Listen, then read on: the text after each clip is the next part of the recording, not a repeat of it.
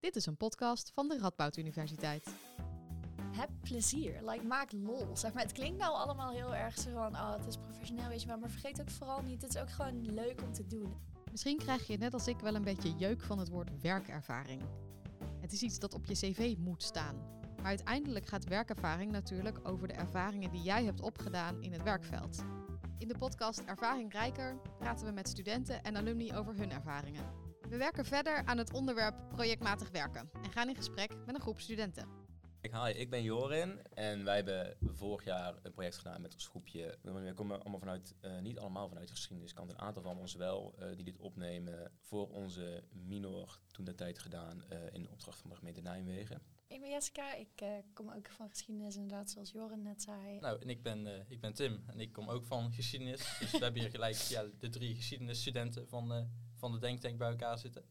Wij werkten in opdracht van de gemeente, die hadden een project, de wijk Nijmegen-West. is eigenlijk een, een ouder stuk wijk uit de jaren 70 en eerder nog gebouwd. Echt een volkswijk, gezellig, maar ook zijn problemen natuurlijk. En een nieuwer stuk wijk uh, aan het water, wat nu wordt gebouwd, uh, het Waalfront. En zij zeiden eigenlijk, ja, wat wij denken wat een probleem is, of beetje ervaren, is dat die twee wijken eigenlijk vuur en water zijn. Die mengen niet per se uh, heel goed. En daar zouden we eigenlijk wel liever wel willen zien als gemeente. En wij willen daar misschien het erfgoed van het gebied want voor degene die het niet weet, onder Nijmegen-West ligt eigenlijk de oude Romeinse stad van Nijmegen. We willen eigenlijk dat erfgoed misschien inzetten om die sociale cohesie, als dat met een duurwoord heet, die, die twee wijken te laten mengen. Nou, dit was voor jullie uh, in ieder geval de eerste keer dat jullie samenwerkten. En voor sommigen van jullie ook de eerste keer dat je op deze manier een project deed.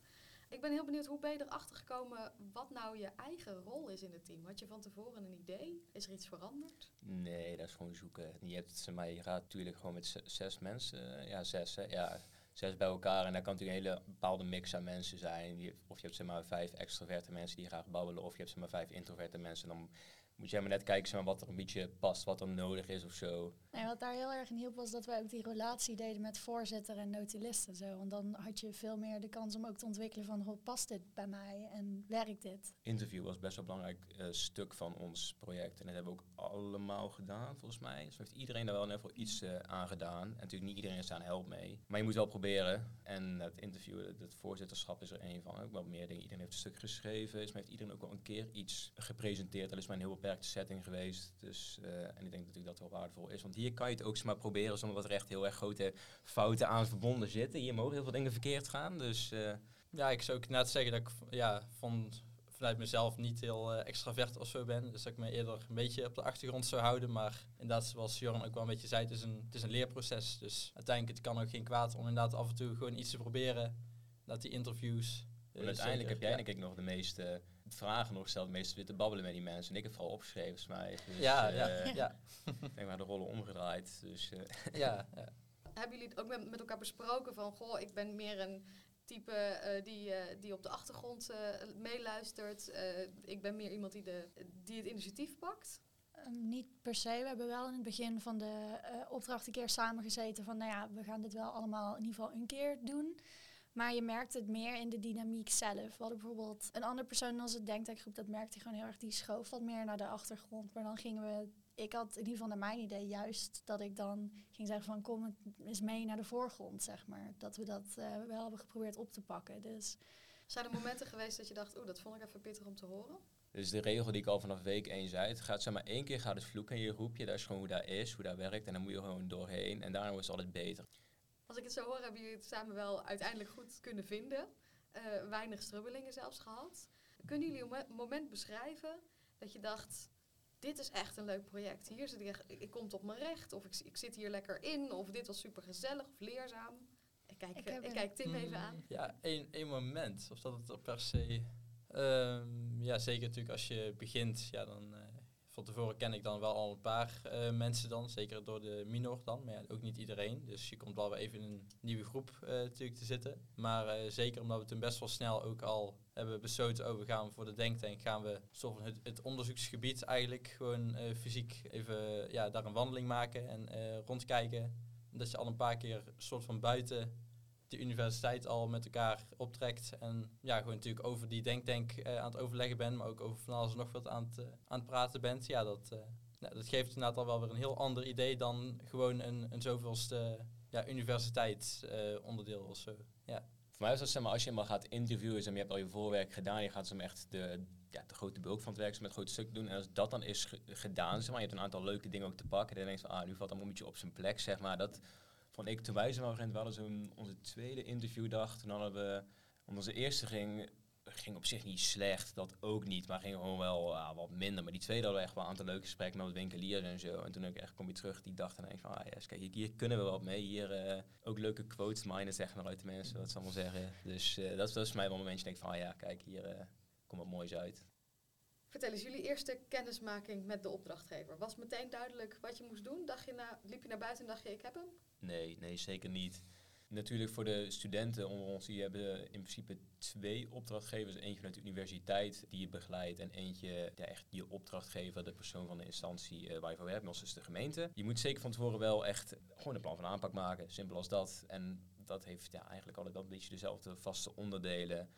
Waar komt de, de opdrachtgever naar ons voor naartoe, de aanleiding, wat, wat, wat speelt er? Wat is het probleem dan als er een probleem is, als je zo moet noemen, zeg maar. Hoe, wat gaan wij dan in ons project daarvoor doen? De doelstelling, hoe gaan we dat doen? Methode en eh, met welke dingen gaan we dat doen en wanneer? Planning.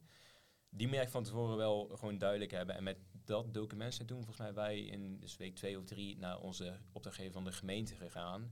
Eh, eerst naar haar toe gemaild, nou lezen door van tevoren en gewoon eigenlijk dat gaan doorspreken. En dan kom je er gaandeweg achter wat ze ook eigenlijk, wat zij dan precies verlangen en erin zien. Maar dat is toch, ja, een half A4'tje staat nooit genoeg om dat helemaal eh, uit de doeken te doen.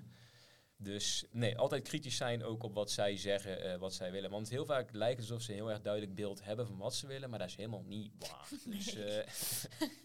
We hadden ook uit een van onze interviews kwam de vraag voor, maar wanneer is het nou voor jullie opdrachtgever succesvol?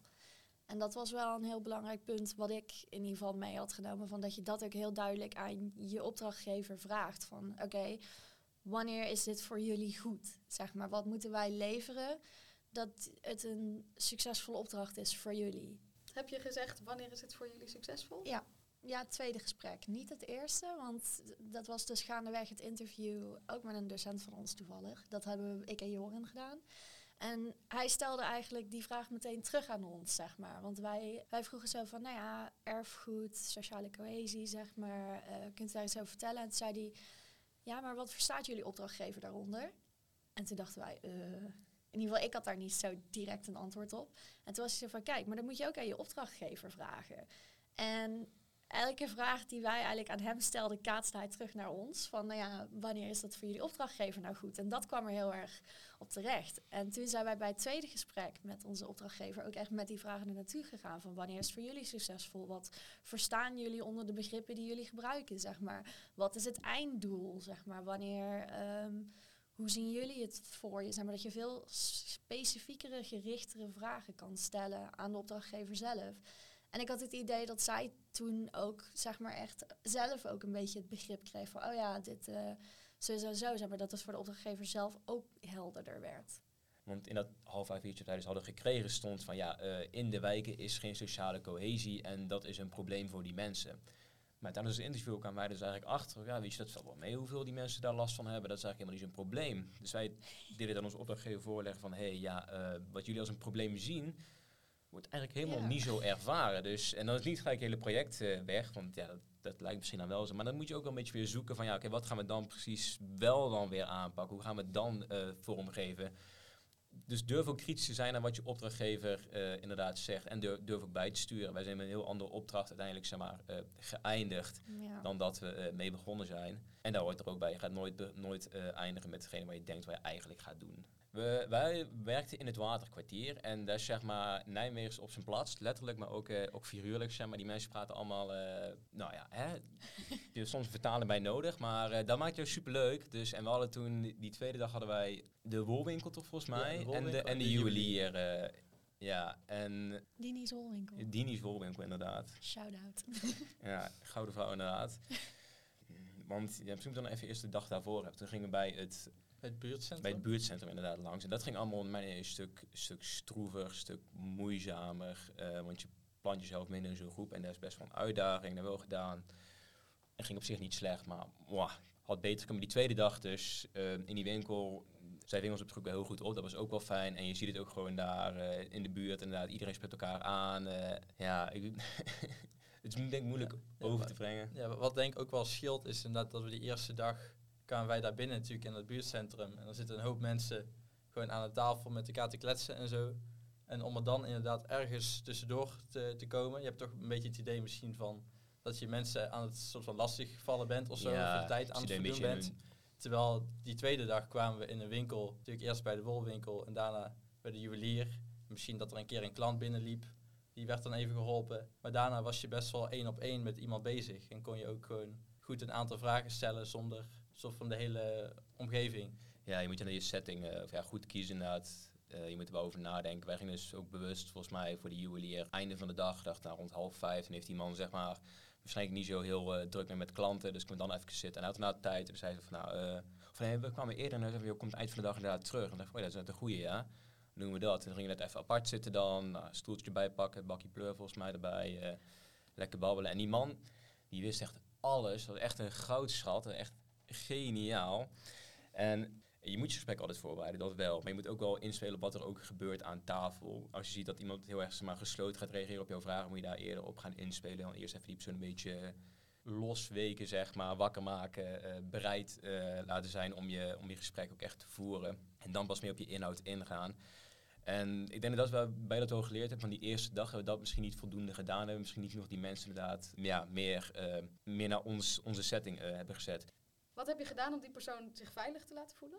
Natuurlijk, wij zijn studenten en ik heb dat ook vooral benadrukt van wij zijn niet, wij zijn niet wel namens de gemeente, maar we zijn toch vooral hier va- vanuit, eh, vanuit onszelf, zeg maar. En dat geeft mensen altijd al, studenten doen toch altijd een soort van sympathiek, of ik weet niet waarom, maar gaat altijd wel iets makkelijker. Ik had dat ook een beetje dat ik zeg maar bij een van de interviews hebben we ook gezegd van hey, het komt vanuit de universiteit. Dus het is niet zeg maar van oh, we gaan jullie verlinken of zo. Want wij doen dit ook voor zeg maar een opdracht, dan wel voor een vak van ons, zeg maar. Dus dan was het ook heel erg omdat dat de setting wel verandert, naar mijn idee. Werden mensen dan altijd een beetje rustiger van oh, oké, zeg maar, dit is niet zo'n buurtonderzoek van, van wat ze van de gemeente vinden. En wat ook helpt, denk ik, is dat het zeggen waar je vandaan komt. hey, ik heb eh, jouw nummer gekregen van die en die. Of ik heb gehoord van die en die dat jij eh, dat weet. Want die juwelier, die hadden wij dus ook via die wolwinkel weer ontdekt, zeg maar. En ze- toen zeiden we, ja, wij komen van die niet af. Toen zei ze van, oh ja, ja oh, dat, dat is goed, ja. Dan, eh, dan wil ik wel met jullie praten. Niet, zei niet letterlijk zo, maar zo kwam het wel een beetje over, zeg maar. Dus niet net als beeldsvreemde daar. Je moet zeg maar je, je ingang, zeg maar, hebben. En dan moet je ook, die moet ook wel een beetje benadrukken. Want hey, dat, dat, als mensen iets bekends horen, dan is oké, dan, dan zal het wel goed zijn inderdaad, als ze van daar en daar vandaan komen. Dus eh, Zijn er ongemakkelijke situaties geweest tijdens de interviews? Eh, wat ook wel eens ongemakkelijk was, als iemand zeg maar heel erg, heel erg verhit begon te reageren op bepaalde kwesties, zeg maar. Dat je daar zo een beetje bij stond van, ehm, wat moet ik hier nou van zeggen, weet je wel. Ehm, dit is niet meer waar de interview over gaat. Oeps. meneer, dit is En een dan- Albert Heijn. ja, precies. En dan moet je dat maar weer heel voorzichtig proberen terug te sturen naar, oh ja, Romeins erfgoed, hè. Maar ja, dat kun je dan ook weer niet zo zeggen. Dus dat was af en toe wel dat je daar heel erg moest gaan voelen van wanneer moet ik dit nou afkappen, zeg maar. Dat, daar had ik wel eens af en toe dat ik daar zo zat van, mm, wat moet je daar nou mee? Was er een moment dat dat echt goed lukte? Dat je het weer terug kon pakken? Ja, ik weet dat is voor mij is dat een zwak punt, weet ik. Dus eh, ik heb op een gegeven moment echt een kwartier lang met iemand over de jeugd van PSV staan praten. dus, eh, wat ook leuk was, maar niet per se heel nuttig. Dus, eh, dus ja, da- dat is de- voor mij, maar heb ik al geleerd, nou dat is mijn oefenpuntje dus. Daar ben ik mezelf wel tegengekomen, soort van. Dus Ik ging meestal van de, ik snap dat u zich zo voelt, zeg maar. Maar helaas is dat niet wat mijn onderzoek beslaat, zeg maar. En dan vriendelijk, doch dringend, zeg maar, een beetje proberen af te kappen van, oké, ja, maar het interview, zeg maar. En dat je dat dan toch een beetje, ik krijg het meestal weer, weer goed terug, naar mijn idee in ieder geval. Wat deed je om te zorgen dat je bijhield waar je het interview voor ging gebruiken? Ja, we hadden wel de experts en de stakeholders en de mensen in het veld hadden wij van tevoren categorieën gemaakt. Dus wij gingen, we begonnen eigenlijk met heel veel namen verzamelen en dan deelden we die zeg maar in in een categorie, zeg maar. Bijvoorbeeld, eh, we hebben verschillende docenten op de universiteit gesproken. Nou ja, die ga je niet vragen hoe het is om in waterkwartier te wonen en wat jij vindt van de mensen daar, zeg maar. Dus in die zin hebben we wel die categorieën aangehouden en daar ook verschillende vragen wel op op ingezet van, nou ja, als het bijvoorbeeld om een expert ging, dat was dan iemand die heel veel wist over het Romeinse erfgoed, dan hadden we daar ook vragen op die meer gericht waren op, nou ja, hoe zet je nou erfgoed in verbinding, zeg maar. Dus op die manier waren we daar wel mee bezig. Maar als gaandeweg het interview blijkt van, oh, deze persoon weet eigenlijk veel meer over dat andere, zeg maar, dan kon je daar ook wel in sturen. Want we hadden sowieso alle vragen altijd bij. In welke fase van je project had je het idee dat je echt door had waar je mee bezig was? Ehm, ik denk voor mij dat ook wel, ja zeker, ja, die hele voorbereiding is natuurlijk ook belangrijk. Hè? En dat je ook gewoon een beetje een planning gaat maken van, oh ja, uh, niet alleen wat gaan we de komende week doen, dat iedere week weer, maar ook, oh, waar willen we ongeveer zitten over een maand bijvoorbeeld, wat willen we over twee maanden ongeveer gedaan hebben. Maar zodra we echt een beetje echt die wijk ingingen en echt die interviews uh, af gingen nemen, dat je echt ook een soort van ja, ja, antwoorden juist weer terugkrijgt, ook weer van de mensen. Uh, ik heb idee dat het daardoor wel een heel stuk concreter werd. Dat je je hebt natuurlijk ook wel daarnaast ook nu wel onderzoek gedaan, hè, een beetje naar het verleden van die wijk zelf en het, uh, het Romeins verleden en uh, die zaken. Maar zodra je echt uh, met die mensen in gesprek gaat en je krijgt daar antwoorden van terug en je kan misschien al eerste verbanden zien en zo, dat maakt het wel heel, ja, een heel stuk duidelijker. Waar heb je het zelfvertrouwen vandaan gehaald om, want ik hoor jullie heel erg zelfverzekerd, we hebben genoeg, dit stuk werkt niet, we gaan verder. Waar haalde je het zelfvertrouwen vandaan om, om die beslissingen te nemen? Onze begeleider. Ja, ik, had dat heel erg. Dat het zo was van. Wij, wij hadden het geluk een hele fijne begeleider. Dat is heel grappig, want ze zit achter me. Dus en ook heel lief praten natuurlijk. Nee, maar wij hadden gewoon het geluk om een hele goede begeleider te hebben. Die echt achter ons stond vanaf het begin al, zeg maar. En ik had heel erg ze van... Soms had ik bijvoorbeeld momenten dat ik het moeilijk vond om die keuze te maken. En dan was ze van, nee joh, dat is hartstikke goed, weet je wel. Gaan we gewoon doen. En dan, dan kwam je daar ook veel sneller weer uit. Dat is dus oké, dan zijn maar zelfs als wij er af en toe nog niet helemaal vertrouwen in hadden, was er in ieder geval iemand die er altijd heel veel vertrouwen in had. En dat was in ieder geval wel heel fijn om die steun ook te hebben, zeg maar. En wat deed je begeleider dan om dat vertrouwen te geven? Hoe heel enthousiast, overtuigde ze je? Heel enthousiast zijn op alles. dus, dat was heel fijn. Gewoon een heel betrokken zijn, heel erg enthousiast zijn. En ook sturing geven waar nodig, maar niet er heel erg bovenop zitten van ik wil dat het zus en zo gaat, zeg maar wat wij hebben gedaan, ik weet het andere groepen hebben dat heel erg anders ervaren.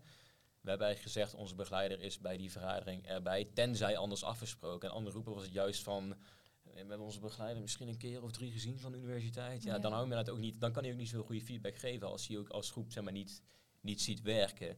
Dus, en die persoon heeft gewoon tijd voor, dus die moet je ook gewoon claimen dan. Moet je zeggen, dan wij dan en dan vergaderen, dan ben je er maar. Dus uh, dat geldt dan voor, duidelijk even voor je uniebegeleider. Je, je begeleider vanuit de organisatie uh, houdt ik ook betrokken, maar die weet toch wel... We hebben denk ik vier gesprekken gehad in totaal en een eindpresentatie uit mijn hoofd. Misschien één meer of minder net. Maar ook daar, daar moet je vooral ook je momenten dan, want die zie je dus minder vaak, maar dan moet je momenten die je hebt, moet je wel ook echt laten tellen dan. Dus stuur ook mm. elke keer iets op wat je al hebt dan. Spreek het van tevoren af. Uh, we gaan dan, dan afspreken voor die keer willen we waarschijnlijk dit en dit voor jou klaar hebben. En dat sturen we naar jou door uh, een week van voordat je ook kan doorkijken. Dan moet je die tijd ook wel laten tellen. Want heel vaak, of het ook echt is, is de vraag natuurlijk. Maar vaak zeggen mensen, nou, ik heb het druk, ik ben heel veel bezig. Ik heb een half uur de tijd of zo. Laat het half uur dan ook echt wel de moeite waard zijn uh, mm. dat je er bent. Welke tips zouden jullie de luisteraar geven om je projecteigenaar eigenlijk aangehaakt te houden? Misschien heb ik dit een beetje verkeerd, maar ik had het idee dat zeg maar, als mensen in zo'n drukke zakenwereld staan, die staan natuurlijk ver weg van de universiteit waarin wij ons onderzoek deden. Dus als je dan regelmatig zeg maar van, hallo, wij zijn hier ook, zeg maar, leg eens uit, bla bla bla, dan kom je misschien niet zo op de achtergrond. Want ik kan me voorstellen voor die opdrachtgevers die dan bijvoorbeeld bij ons van de gemeente werken, die hebben echt wel hele andere dingen te doen dan ook zeg maar, nou, dat, dat groepje studenten vanuit de universiteit, zeg maar om daarmee bezig te zijn. Maar als je dan zeg maar je heel regelmatig erin houdt, dan blijf je ook in dat, ja, in hun gedachtenbeeld, denk ik. Dus. En ook, ook gewoon, daar is een stomme tip, maar daar werkt wel gewoon, gewoon op alles wat ze zeggen. oh, heb je hier interesse in? Ja. Vind je dit leuk? Ja. Stuur door. Wil je dit hebben? Ja. Nou, dus dan moet, dan moet ze jou weer mailen en dat vergeten en dan kan je weer een mailtje van je bent het vergeten en dan wist je, oh ja, dan hebben we die groep inderdaad weer. En ik heb jullie eindproduct gezien en ik was echt diep onder de indruk. Uh, ik heb het zelfs ook nog regelmatig in gesprekken gebruikt om te zeggen, nou, een, be een beleidsadvies hoeft helemaal niet een saai academisch schrijven te zijn. Uh, ik was vooral heel erg onder de indruk van, uh, van jullie Romeinse helmpjes. voor de luisteraar, jullie hebben bepaalde dingen scores gegeven aan de hand van een 1 tot 5, meen ik, Romeinse helmpjes. Ja. Wiens idee was dat? Dat was Joris' idee. idee ja. was echt een nachtmerrie om in InDesign te krijgen. Dus zeg maar wat dat betreft, ben blij dat het gewaardeerd wordt. Want Dat was op een gegeven moment, oh, dat weet ik nog, ja, dat was dat één was niet goed ingekleurd, zeg maar. Toen moesten we dat weer naar Joren terugkoppelen van, hey Joren, kun je die even nog een keer maken, maar dan goed ingekleurd? Toen moesten we het allemaal opnieuw doen. Dat was echt, Maar, dat- maar dan heb je ook wat. ja. Ja, we hadden ook wel begin aan bewust voor gekozen waar jij zegt inderdaad, je kan er net een droog rapport opleveren, maar dat hoeft hier een keer niet. Dus pak die kans Ja, ook, maak er ook zeg maar, leuks van. Je hoeft niet keurig droog site te schrijven. We hebben van begin aan gezegd van, ja, weet je, we willen er wel iets visueels of zo in hebben, of iets leuks. We hebben inderdaad eh, niet Word gebruikt, maar we hebben er ook een InDesign opgemaakt. Nou, weet je, ik ken dat wel, maar uiteindelijk heeft Jessica dat allemaal gedaan. Die heeft ook zitten leren. Ja. Maar daar hebben we ook, dat is ook de kans die je kan pakken. Ja. Doe dat zeker, want dat is op de je dat ook gewoon gratis gebruiken. En dat is Mm. Tof programma als je dat kan. En dat is ook zeker op cv zetten, dan kan je altijd Ja, ik gebruiken. kan het zeggen, het Dus, staat eh, heel goed op mijn cv, zeg maar, dat het nou is van, ik kan met InDesign werken. Volgens mij hebben we heel veel punten besproken. Ik ben heel benieuwd, zijn er nog dingen die voor, volgens jullie onvoldoende naar voren zijn gekomen? Eh, ik heb een hele grote. Heb plezier. Like, maak lol. Zeg maar, het klinkt nou allemaal heel erg zo van, oh, het is professioneel, weet je wel. Maar vergeet ook vooral niet, het is ook gewoon leuk om te doen. Het is leuk om nieuwe projecten aan te gaan. Het is leuk om nieuwe mensen te leren kennen.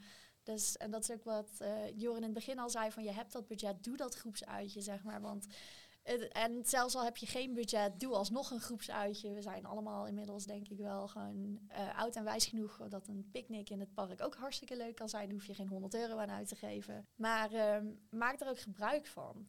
Probeer het ook, zeg maar, het is eigenlijk ook wel gewoon leuk, zeg maar. En Zeg maar, zie het niet alleen als iets wat moet. Ja, het moet ook wel, maar kan ook wel tof zijn op zich. Een soort van. ja.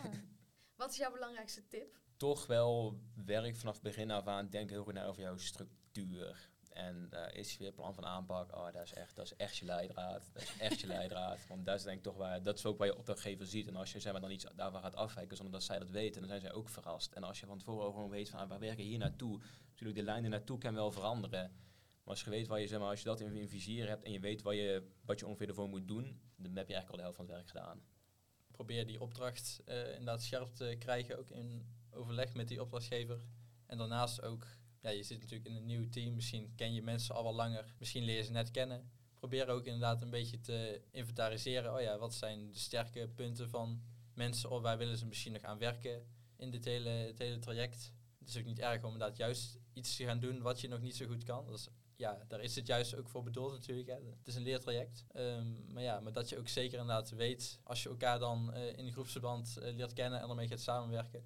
Oh ja, misschien is het handig, eh, oh deze kan het misschien niet zo goed of is er niet zo zeker over. Oh, dan, dan doe je het gewoon met z'n tweeën bijvoorbeeld. Of dan, dan hou je gewoon nog even contact erover. En zeker ook, oh mocht iets niet lukken of zo, dan kun je ook gewoon aan de bel trekken. En dan laat je het gewoon gelijk weten. En dan is er altijd wel iemand in je team die je daarbij kan helpen. Stel, jullie kunnen nu een brief schrijven naar jezelf vlak voordat de denktank begint.